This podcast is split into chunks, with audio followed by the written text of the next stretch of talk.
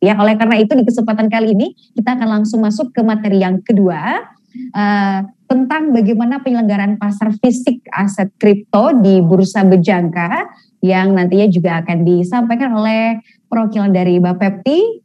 Tapi sebelumnya saya mengajak teman-teman untuk uh, mengirimkan pertanyaan, boleh ada pengalaman mungkin yang uh, terjerat kasus investasi bodong atau pernah jadi korban pinjaman online atau bahkan yang uh, terkait dengan materi yang akan kita sampaikan di materi kedua ini. Boleh langsung dituliskan di kolom Q&A nanti akan kita bacakan dan akan direspon langsung oleh narasumber. Langsung saja kita ke pemateri yang kedua, smart listener dan juga rekan-rekan peserta.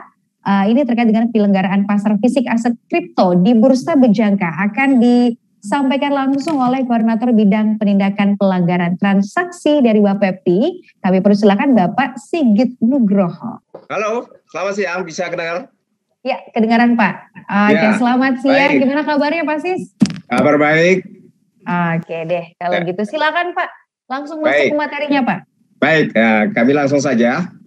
Uh, tentu saja saya akan menyampaikan uh, apa namanya salam semua kepada para narasumber yang hadir pada apa namanya pada siang hari ini tanpa saya menyebutkan satu-satu tentu saja di uh, di pembukaan awal tadi juga uh, ada uh, aku tadi taruh ya yang sudah membuka acaranya. Ya, dan uh, tentu saja kami sampaikan uh, uh, salam juga kepada para peserta yang sudah hadir um, kita pada hari uh, siang hari ini Uh, Bapak dan Ibu, uh, tentu saja sebelum kita bicara mengenai uh, apa aset kripto, karena ini minta untuk tampilkan aset kripto, saya ingin menyampaikan dulu kepada Bapak dan Ibu uh, mengenai perdagangan berjangka komoditi ini secara umum itu seperti apa sebenarnya. Nah, jadi uh, pengaturan mengenai uh, perdagangan fisik aset kripto ini adalah bagian dari pengaturan di dalam perdagangan berjangka komoditi tugas dan fungsi dari Bapepti ini sebenarnya nih ada tiga hal besar ya terkait dengan tiga undang-undang ya undang-undang perdagangan berjangka komoditi, undang-undang sistem risiko gudang dan pasar lelang komoditas. Jadi luar biasa yang diamanati oleh oleh perdagangan berjangka komoditi ini ya. Ya tiga undang-undang sekaligus dan undang-undang ini adalah undang-undang yang berat-berat. Nah, ini tugas dan fungsi dari Bapepti adalah pengembangan, pengaturan, pengawasan ya terhadap berjangka komoditi, sistem gudang dan pasar lelang komoditas. Dan pada hari ini kita akan bicara mengenai perdagangan berjangka komoditi dan lebih khusus nanti akan bicara mengenai perdagangan fisik aset kripto. Apa yang menjadi kewenangan dari Bapepti setelah adanya tusi tadi? Ya tentu berdasarkan ketentuan peraturan undangan, Bapepti diberikan kewenangan untuk membuat pedoman teknis mengenai mekanisme PBK memberikan perizinan di bidang PBK, pada bidang komoditi, melakukan pemeriksaan ya terhadap pihak yang memiliki perizinan di bidang PBK, melakukan penyidikan terhadap pihak yang diduga melakukan pelanggaran terhadap ketentuan peraturan di bidang perdagangan berjangka komoditi. Nah ini gawe besar ini uh, ini ya. Nah kita lihat yang slide berikut. Ya, mengapa perdagangan berjangka komoditi ini diatur, termasuk juga nanti aset, termasuk juga aset kripto Kenapa harus diatur? Ya karena memang perdagangan berjaga komoditi ini merupakan kegiatan bisnis yang kompleks. Apa kompleksnya dia? Ya kompleks baik dari sisi uh, regulasinya, ya kompleks juga dari sisi kelembagaannya. Lembaga itu Pak, kelembagaan yang maksud itu adalah apa-apa saja yang mendukung apa namanya uh, pelaksanaan atau penyelenggaraan dari perdagangan berjaga komoditi. Jadi tidak hanya ada satu perusahaan saja, tetapi itu melibatkan ada sekian banyak perusahaan dan itu harus diketahui oleh uh, para investor dalam ini adalah nasabah atau nanti kita bicara di aset kripto kita bicara mengenai pelanggan. Jadi kudu ngerti betul ini, nggak hanya ikut-ikutan nanti ya uh, untuk apa uh, apa investasi ya di mining misalnya untuk cryptocurrency ataupun di trading ya uh, aset kripto. Jadi betul-betul harus cermati. Nah, Kemudian kenapa juga harus diatur? Karena ini mengelola dana masyarakat. Ya. Jadi sekali lagi ini eh, mengelola dana masyarakat. Ya, dia harus bisa dipertanggungjawabkan dana masyarakat itu. Ya. Yang kedua, melindungi masyarakat dari praktek-praktek ya perdagangan berjangka komoditi yang mungkin akan merugikan mereka. Ya, yang ketiga, yang terakhir adalah memberikan kepastian hukum yang mampu memberikan kepastian uh, usaha ya bagi para pihak yang terlibat dalam penyelenggaraan perdagangan berjaga komoditi. Nah, kita lihat yang slide berikut. Slide berikutnya ini terkait dengan uh, kelembagaan dalam perdagangan berjangka komoditi. Ya, jadi ada kelembagaannya. Kalau yang merah itu adalah yang sudah jadi, sudah ada maksudnya, ya, sudah ada. Nah, dan di antara yang hijau-hijau ini ya juga sudah ada. Tapi ada yang memang belum belum berdiri ya yaitu terkait dengan pengelola sentra dana berjangka. Tinggal itu saja yang belum diatur ya. Yang lainnya ini sudah diatur. Jadi, jadi selain pilang berjangka ada bursa berjangka, ada lembaga clearing berjangka ya. Kemudian ada uh, pedagang berjangka. Kalau di dalam dunia perdagangan uh, transaksi multilateral, nah, itu ada pedagang berjangka, ada pilang berjangka, tapi juga di dalam perdagangan uh, sistem perdagangan alternatif atau SPA atau over the counter atau sistem uh, transaksi uh, bilateral maka di situ ada penyelenggara SPA dan ada peserta uh, SPA. Nah di bawah ini ada nasabah-nasabah. Nah ini kelembagaan ini ya baik di dalam negeri ataupun yang di luar negeri, tetapi yang se apa apa lembaga yang sama di luar negeri ada bisa ada kerjasama ya. Nah di lain sisi Bapak Bapepti melakukan kerjasama dengan pihak berbagai pihak. Antara lain dengan Bank Indonesia, dengan OJK, dengan Kejaksaan Agung, dengan Kejaksaan ya secara umum, kemudian dengan Kepolisian RI, kemudian dengan PPATK, ya, dengan Kemenkominfo dan lain sebagainya. Ini dalam rangka kita melakukan koordinasi dalam baik dalam konteks uh, yang jauh lebih luas ya, Kemudian kita lihat mengenai uh, latar belakang dari uh, sorry sorry kembali lagi latar belakang dari uh, aset kripto kenapa harus diatur tujuannya tidak lain dan tidak bukan adalah bagaimana supaya uh, kita berupaya untuk mencegah terjadinya uh, outflow uh, uang masyarakat ke luar negeri untuk, untuk transaksi ke luar negeri. Kemudian yang tidak kalah penting adalah bahwa aset kripto itu dilarang dijadikan sebagai alat pembayaran. Ya, alat pembayaran di dalam negeri hanya adalah uh, mata uang rupiah sesuai dengan Undang-Undang 7 tahun 2011. Kemudian kenapa juga aset kripto diatur dan dari dan masuk ke darah ke arah mana dia? Uh, aset kripto ini masuk ke dalam ranahnya komoditi sesuai dengan undang jaga komoditi. Kemudian untuk uh, regulasi teknisnya dikeluarkan peraturan Menteri Perdagangan mengenai ketentuan umum mengenai perdagangan fisik aset kripto. Kemudian lahirlah beberapa uh, peraturan Bapepti uh, yang lainnya yang cukup banyak ya ya antara lain peraturan Bapepti nomor 5 tahun 2019 ini tentang penyelenggaraan perdagangan fisik aset kripto diubah tiga kali. Yang terakhir dengan Perba nomor 3 tahun 2020 ada lagi Perba nomor 7 ya tahun 2021 ya ini tentang tentang jadi aset kripto dapat diperdagangkan dengan di aset fisik aset kripto. Nah kemudian uh, ini aset kripto yang dapat di perdagangkan apabila memenuhi persyaratan. Jadi memang ada memenuhi persyaratan semua, tidak ada yang tidak memenuhi persyaratan. Jadi kalau ada yang menawarkan cryptocurrency atau aset kripto tertentu yang tidak memenuhi persyaratan dan tidak masuk dalam dalam daftar 229 jenis aset kripto yang dapat diperdagangkan di pasar fisik aset kripto, ya hati-hati. Ya itu potensi adalah itu uh, pelanggaran atau uh, penipuan ya dan itu tidak bisa dipertanggungjawabkan oleh Bapeti. Nah, dasarnya adalah apa? Satu, cirinya berbasis distributed teknologi. Jadi ada buku besar.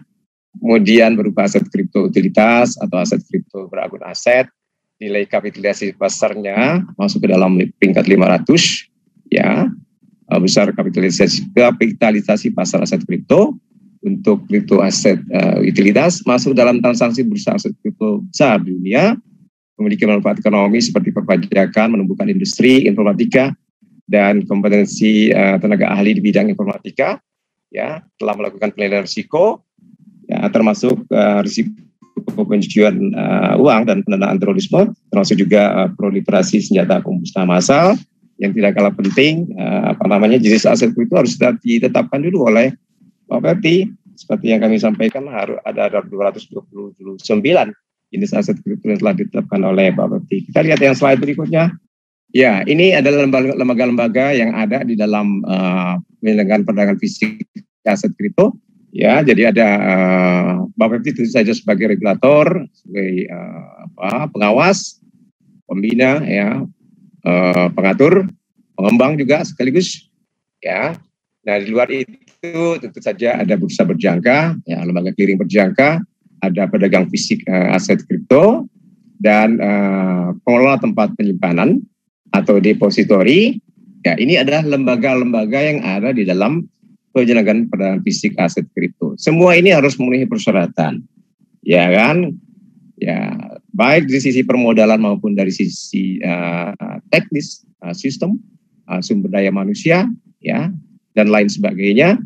Dan uh, di antara itu ada ada yang harus memenuhi uh, ISO uh, tertentu, seperti misalnya sistem informasi, uh, ya ISO 27001 di luar itu juga safe uh, apa namanya cloud safety-nya ya uh, uh, ISO 27017 uh, uh, kemudian juga 27018 ini betul-betul harus penuhi uh, apa namanya standar uh, ya, internasional terkait dengan sistem yang dimiliki.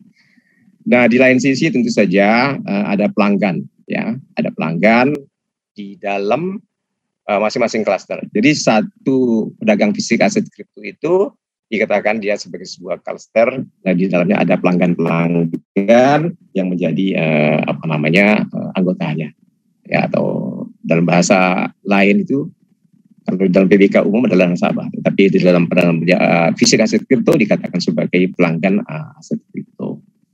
Nah di lain sisi nah, untuk menentukan uh, apakah suatu jenis uh, aset kripto dapat ditetapkan masuk dalam daftar jenis aset yang dapat diperdagangkan di pasar fisik aset kripto, maka harus diputuskan oleh komite uh, aset kripto. Di, di dalamnya ada Bapepti, kemudian ada uh, para uh, pedagang fisik aset kripto, ada tenaga ahli, ya kan, uh, cryptocurrency, ya, dan uh, sistem uh, untuk memastikan bahwa uh, jenis aset kripto itu melayak untuk masuk dalam daftar jenis aset yang dapat diperdagangkan di dalam pasar fisik aset kripto. Nah, kita lihat yang di slide berikutnya. Kita lewati saja. Nah, ini depository tadi sudah. Kita lihat yang slide berikut. Nah, ini Bapak dan Ibu, uh, pelaku usaha uh, dikatakan sebagai uh, pedagang fisik aset kripto yang terdaftar di Bapepti ini sebenarnya ada 13 ya baru 13 ya kan? Mungkin saja besok bisa akan muncul lagi calon pedagang fisik aset kripto ya. Jadi ada 13 namun demikian ya kan dari 13 ini satu yang sudah dilakukan uh, pembekuan kegiatan usaha yaitu bursa kripto prima ya ini dilakukan uh, pembekuan kegiatan usaha uh, karena tidak menyampaikan uh, laporan baik laporan uh, transaksi, laporan keuangan maupun laporan uh, kegiatan usaha kepada uh, Bapak Ibu. Nah, Bapak Ibu, uh, kita lihat di slide berikut. Ya, ini adalah jenis-jenis aset kripto tadi yang 229 jumlahnya ditetapkan oleh Bapak Ibu ya, berdasarkan uh, Perbal 7 tahun 2020. Jadi Bapak dan Ibu bisa lihat uh, yang besar-besar itu ya BTC, Bitcoin, Ethereum, uh, Tether dan sebagainya. Ini ada 229. Jadi sekali lagi yang di, boleh diperdagangkan di pasar fisik aset kripto di Indonesia ini baru 229 dari sekitar 12 ribu lebih cryptocurrency yang ada di tataran global. Ya, 12 ribu lebih ya jenis aset kripto yang yang ada di tataran global kita ini, di dunia ini. Tapi di Indonesia baru diakui 229 yang dapat diperdagangkan di pasar fisik aset kripto. Jadi mohon itu dicatat ya uh, terutama oleh masyarakat ini jangan sampai uh, salah ini tergiur nih ya kan main tancap saja. Nah kita lewati slide yang berikut. Nah ini angka 229 terakhir adalah Alpha Finance. Nah ini Nah, ini jenis aset kripto yang dapat diperdagangkan di pasar fisik aset kripto. Nah, kita lihat yang berikutnya, slide berikut. Ini mengenai mekanisme uh, perdagangan fisik aset kripto. Ya, tadi kami sampaikan di awal ada beberapa lembaga yang ada di dalam perdagangan fisik aset kripto. Nah, kita lihat ya selain ada pedagang fisik aset kripto ya di angka satu ini ada. Kemudian kita lihat juga ada bursa berjangka. Ada lembaga clearing berjangka. Ada pengelola tempat penyimpanan atau depositori nah ya empat lembaga ini dibagi tugas ya empat lembaga ini dibagi tugas dan tanggung jawab ya supaya risiko-risiko ini di apa di manage sedemikian rupa sehingga tidak berada pada satu entitas tertentu. Ya, nah, jadi ada pedagang fisik aset kripto, dia nanti akan menerima, ya kan, menerima para pelanggan, ya, apakah dia pelanggan beli atau pelanggan jual.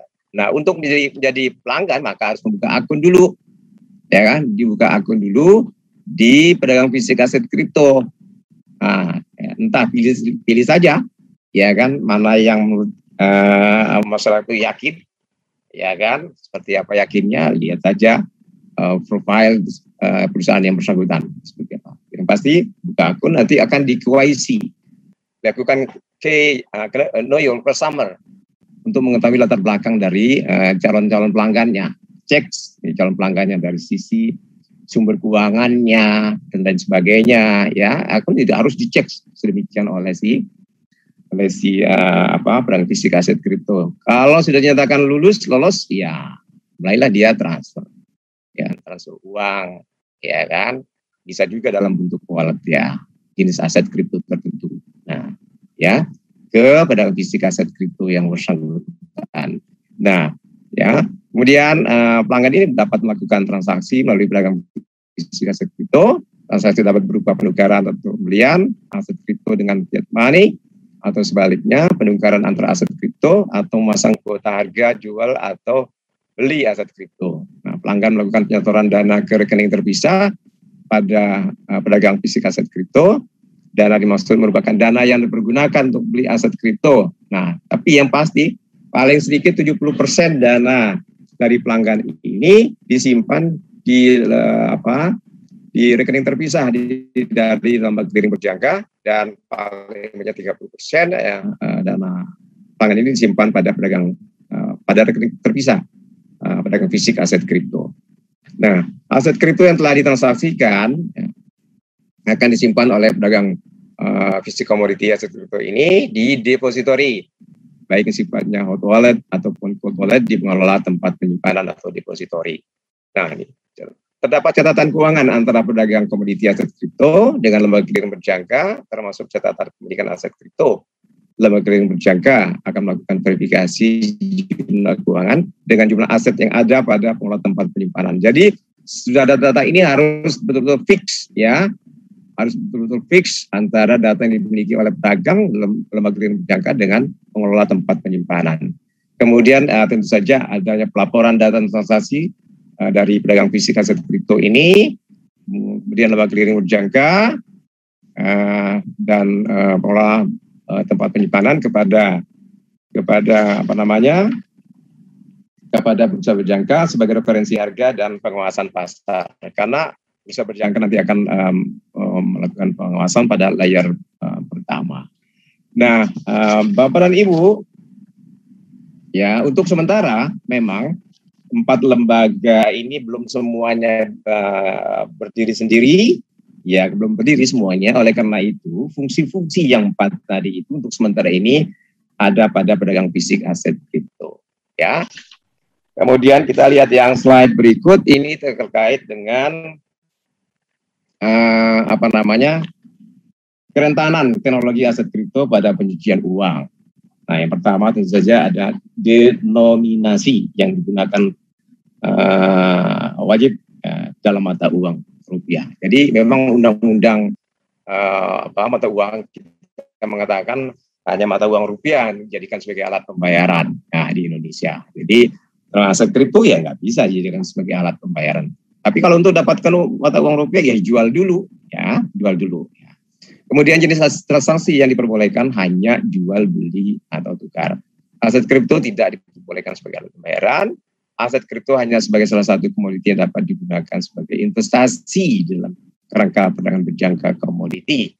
Kemudian channel pembayaran jual beli dibatasi dan diatur. Calon pelanggan wajib dilakukan CDD, Customer Due Diligence, dan atau EDD, Enhanced Due Diligence. Kalau itu sudah masuk uh, kira-kira untuk uh, apa public figure dan lain sebagainya. Perusahaan pedagang uh, pedagang fisik aset kripto wajib dilakukan fit and proper test, ini uji kepatutan dan kelayakan untuk mengetahui profil manajemen server perdagangan uh, pedagang dan mengelola tempat penyimpanan aset kripto wajib berlokasi di Indonesia. Jadi tidak boleh di apa ditempatkan di luar wilayah uh, Republik Indonesia. Kemudian uh, apa namanya uh, produk jenis aset kripto yang dapat diperdagangkan wajib dikaji dulu risikonya. Ya betul-betul dikaji risikonya sedemikian oleh komite aset kripto. Ya kan? Tidak uh, selain tadi uh, apa, masuk dalam 500 uh, capital market yang global ya tetapi juga harus dilakukan analisis uh, AHP namanya. Uh, analysis hierarchy process ya kan untuk menilai scoring ya, skor penilaiannya. Ya. Nah, kita lihat yang di slide berikutnya. Ini mengenai slide berikut ini mengenai larangan dalam perdagangan uh, fisik aset kripto. Ya, yang pertama memperdagangkan aset kripto yang belum ditetapkan oleh Bapepti menggunakan mekanisme transaksi pasar fisik aset kripto yang belum mendapatkan persetujuan dari Bapepti. Jadi mekanisme yang dipakai, yang mekanisme yang yang ada dalam gambar tadi tidak boleh menggunakan mekanisme lain ya digunakan sebagai sarana pencucian uang ini ya. Kemudian pendanaan terorisme serta proliferasi senjata pemusnah massal, nah, ini bagian yang dilarang. Kemudian pedagang fisik aset kripto juga menerima setoran uang tunai atau setoran tunai dan atau pihak yang identitasnya berbeda dari pelanggan aset kripto. Jadi harus harus jelas orangnya siapa yang menyetor siapa yang menerima. Tidak menempatkan dana pelanggan aset kripto di rekening uh, terpisah jadi diwajibkan ya kan dana pelanggan ini ditempatkan di rekening terpisah dari pialang berjangka dan tadi di lembaga rekening berjangka. Kemudian pedagang fisik aset kripto memfasilitasi transaksi nasabah yang tidak memiliki kecukupan dana dan atau saldo aset. Nah, jadi kalau nggak ini nggak cukup dananya, jangan difasilitasi, jangan diberi, eh, jangan diberikan pinjaman, ya. Kemudian menjual aset kripto yang diciptakan oleh calon pedagang fisik aset kripto yang bersangkutan atau pihak afiliasinya. Tidak boleh. Ya, harus harus oleh pengembang yang khusus untuk itu yang terpercaya. Menggunakan skema piramida ya kan? Uh, atau skema ponzi ya. Dan money game. Nah ini yang hal yang dilarang. Ya dan dalam banyak hal di tengah masyarakat kita ini dengan begitu apa namanya begitu mudahnya orang mengakses uh, teknologi dan berbagai informasi banyak orang yang terkena uh, tertipu ya kan karena praktek-praktek skema piramida mengumpulkan uang saja. Nah, skema ponzi sama itu mengumpulkan uang juga ya. Uh, hanya ya dalih-dalihnya adalah untuk uh, apa investasi penambangan atau mining uh, cryptocurrency ataupun untuk melakukan uh, apa perdagangan atau transaksi. Uh, apa cryptocurrency. Kita lihat yang slide berikut ini modusnya. Modus-modus berkedok aset kripto. Nah ini ya. Melakukan jual beli aset kripto di Indonesia tanpa memiliki izin dari Bapepti dilakukan oleh entitas ya kan? Nah, terutama juga dari luar negeri ya. Melakukan penawaran melalui internet ya. Media sosial membuat grup ya di aplikasi chatting WhatsApp, Telegram dan sebagainya. Ini hati-hati ya kan hati-hati. Kalau uh, apa namanya kalau menggunakan YouTube kemudian uh, media sosial seperti uh, Facebook, uh, Twitter, Instagram, ini masih bisa dicermati oleh Bapak ya masih bisa kita telusuri. Tapi kalau menggunakan WhatsApp kalau tidak ada laporan kita tidak tahu. Dan sulit untuk kita uh, atasi kalau menggunakan uh, apa namanya WhatsApp seperti ini. WA, WA group ya. Mengaku sebagai exchanger koin dan atau cryptocurrency menggunakan aplikasi yang dibangun sendiri untuk melakukan jual beli koin dan atau cryptocurrency. Ya meskipun menampilkan sertifikat tanda daftar penyelenggara sistem elektronik dan menjanjikan keuntungan tetap nah, atau fixed income dari jual beli dan atau hasil penambangan koin yang diciptakan oleh entitas tersebut. Nah, jadi banyak ini yang iming nih janji-janji keuntungan nih, ya kan tetap, tetap dalam dunia perdagangan berjangka komoditi khususnya aset kripto, ya tidak ada yang apa ya jaminan-jaminan yang seperti itu. Ya, hati-hati dengan penipuan. Menggunakan skema piramida, ya dengan menjanjikan uh, bonus dan uh, komisi, menggunakan skema ponzi dengan uh, kedok jual beli koin dan hanya berputar di antara anggota uh, saja dan akhirnya scam uang dibawa kabur. Nah, jadi ini hati-hati ya banyak yang terkena tertipu uh, apa dengan uh, praktek-praktek seperti ini. Kita lihat yang slide berikut ini uh, perangan aset kripto tanpa izin ya di slide berikutnya. Nah ini kita lihat nih uh, kemarin itu ada PT Indragiri uh, Digital Asset Indonesia uh, meluncurkan uh, Edinar Coin Gold uh, Box atau EDRG. Ya. Nah ini ini sudah ditangani oleh pihak uh, berwajib, ya kan? Uh, apa diproses lebih lanjut ya untuk dilakukan uh, penegakan hukum ya karena ini um, dicermati uh, apa namanya uh, ada unsur-unsur yang mengalabui ya mengalabui uh, masyarakat uh, sehingga uh, di antara itu masyarakat ada yang uh, dirugikan. Nah, ini uh, ini salah satu contoh saja ya. Mudah-mudahan yang uh, Bapak Ibu uh, sering-sering mencermati apa namanya penawaran-penawaran oleh berbagai uh, pihak terkait dengan cryptocurrency. Kalau dua dikatakan sebagai cryptocurrency di Indonesia disebut sebagai aset kripto, ya. Tolong hati-hati meskipun menunjukkan dokumen-dokumen tertentu ya tapi belum tentu juga dokumen itu adalah dokumen yang asli ya kan bisa jadi itu juga dokumen yang uh, palsu ya jadi betul-betul harus berhati-hati dengan penawaran-penawaran uh, yang uh, pada akhirnya uh, menjadi scam atau uang dibawa kabur. Kemudian kita lihat yang slide berikut. Di slide berikutnya ini perdagangan uh, aset kripto tanpa izin juga. Ini uh, EDC Cash ya ini juga bagian yang telah dicermati uh, dilakukan uh, penindakan oleh uh, pihak berwajib di lain sisi uh, apa namanya Bapak juga melakukan pemblokiran terhadap domain situs web yang dimiliki ya, baik terhadap tadi uh, apa uh, PT Indra Giri Digital Asset Indonesia ya termasuk dengan poinnya tadi EDC Edinar Coin uh, Gold ya. Kemudian juga ini edisi cash ini juga ramai ya di berbagai uh, media ini juga telah dilakukan uh, pemblokiran oleh uh, Bapepti. Yang pasti bahwa edisi cash ini adalah sebuah platform pengelolaan aset digital berbasis aplikasi yang dalam aktivitasnya yaitu mining dan jual beli uh, aset digital aplikasi edisi cash memudahkan para miners katanya uh, penambang uh, meraih pertumbuhan koin secara otomatis setiap hari selama 24 jam. Nah ini yang seperti seperti ini janji-janji seperti ini ya eh, kalau nggak hati-hati ya suka uh, terbuai ya kan uh, untuk mendapatkan uh, keuntungan yang instan. Nah, jadi kita jangan sekali-kali berpikir untuk mendapatkan keuntungan yang instan, apalagi dalam dunia yang seperti ini. Ya, Kemudian kita lihat yang slide berikut. Uh, ini uh, contoh-contoh lain, ya, contoh-contoh lain uh, yang juga menawarkan uh, mining dan uh, apa jual beli uh, aset kripto. Nah, ini uh, tentu saja uh, tidak memiliki uh, perizinan dari uh, Bapepti.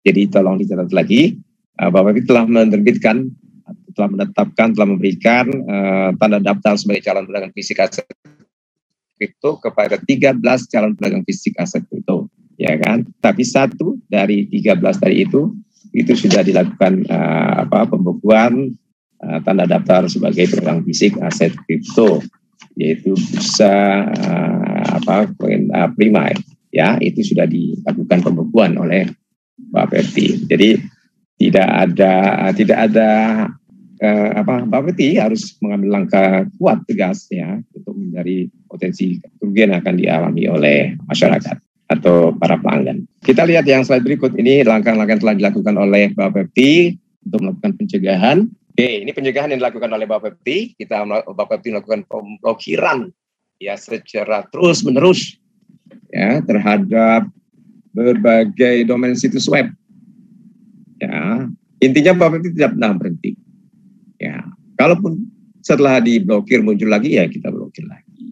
Uh, dan uh, dan itulah bagian dari kewajiban Bapepti ya tanggung jawab Bapepti kepada masyarakat kepada publik ya untuk menghindari masyarakat uh, mengalami kerugian ya. Nah kita lihat nih ada banyak sekali ya kan yang kita blokir ya dari waktu ke waktu dari tahun ke tahun kita melakukan pemblokiran ya ini contoh saja yang kita blokir. Ya, kita lihat yang slide berikutnya. Ada Binance segala macam ya. Oke. Kemudian langkah berikut adalah eh, yang ingin kami sampaikan, uh, Bapak Tim melakukan langkah uh, preventif terhadap yang uh, ilegal. Ya, memang di tahun 2020 uh, sampai dengan September 2020 ya, waktu itu ya, uh, 914 ya. Tapi yang pasti bahwa uh, banyak yang telah kita lakukan uh, pemikiran. Kalau dilihat angka yang seperti ini di tahun 2020 saja sampai dengan akhir eh, di 21 posisi 31 Agustus tahun 2021 Bapak telah me, me, apa, melakukan pemblokiran sebanyak 965 domain uh, situs web ya apakah termasuk juga uh, di halaman sosial media ya ini kita lakukan pemblokiran. Uh, kita lihat yang slide berikut. Uh, sedikit lagi segera. Satu lagi slide-nya. Nah bapak dan ibu uh, peserta semua masyarakat yang mungkin yang ikut uh, apa namanya uh, mengikuti acara webinar ini kami sarankan satu, uh, ada ada lima hal yang ingin kami sarankan kepada Bapak Ibu. Satu, ada, Mbak, ada lebih Mbak Rifa, dari tadi terputus ya. Yep. ya, oh iya, terputus silakan, ya. silakan Pak. Oh itu itu halaman terakhir. Ya tadi halaman terakhir. Uh, isinya sih mengenai ini, mengingatkan kepada masyarakat. Ya, lagi lagi saya ingatkan ada lima hal yang ingin kami sampaikan. Satu, saya lakukan pengecekan terhadap legalitas ya perizinan dari perusahaan uh, apa nama yang berjangka ataupun beragam fisik aset kripto ya, yang ada. Kemudian kenali jenis investasinya dan risikonya. Termasuk juga tadi jenis aset kriptonya yang diperdagangkan. Kenali itu. Cek apakah memiliki rekening terpisah atau tidak. Jangan sampai dana pelanggan ini di, di apa ditransfer ke rekening perusahaan atau ke rekening pribadi ya Kemudian tidak mudah tergiur dengan eh, janji-janji keuntungan yang pasti, fixed income ya, atau penghasilan tetap. Dan jangan segan-segan ya, hubungi Bapak Piti saja kalau ada hal-hal yang perlu di apa dimintakan konsultasi gratis dari Bapak Piti. Nah, saya kira itu yang dapat kami sampaikan. Nah, tentu sisi lain kita akan diskusi. Terima kasih. Terima kasih banyak Pak MSIS selaku Kepala Biro Peraturan Perundang-undangan dan Penindakan Bapepti Kemendagri dan sudah memberikan penjelasan yang sangat lengkap bagi kita. Dan terakhir tadi yang harus kita benar-benar garis bawahi gitu ya sebagai uh, konsumen kita harus benar-benar cerdas gitu ya mengecek dulu jenis aset kriptonya ini uh, terdaftar atau tidak ya. Kalau di misalnya di Indonesia di luar dari 229 itu berarti nggak boleh ya Pak ya. Sis ya. Terus kemudian juga cek dulu apakah memiliki rekening terpisah atau enggak hmm. gitu ya. Takutnya dananya digelapkan. yeah, yeah. Nah, terima kasih sekali lagi Pak Sis untuk pemaparannya. Nah, ini udah banyak sekali pertanyaan yang masuk tapi rasa-rasanya tidak lengkap kalau misalnya kita tidak uh, mencari tahu juga sebenarnya sejauh apa peranan dari kejaksaan nih dalam penanganan kasus investasi ilegal atau bahkan penipuan berkedok investasi.